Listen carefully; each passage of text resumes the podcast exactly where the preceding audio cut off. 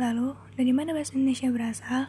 Seperti yang sudah dijelaskan di awal video, berdasarkan keputusan Kongres Bahasa Indonesia II tahun 1954 di Medan, antara lain menyatakan berdasarkan sejarah, bahasa Indonesia mempunyai akar dari bahasa Melayu.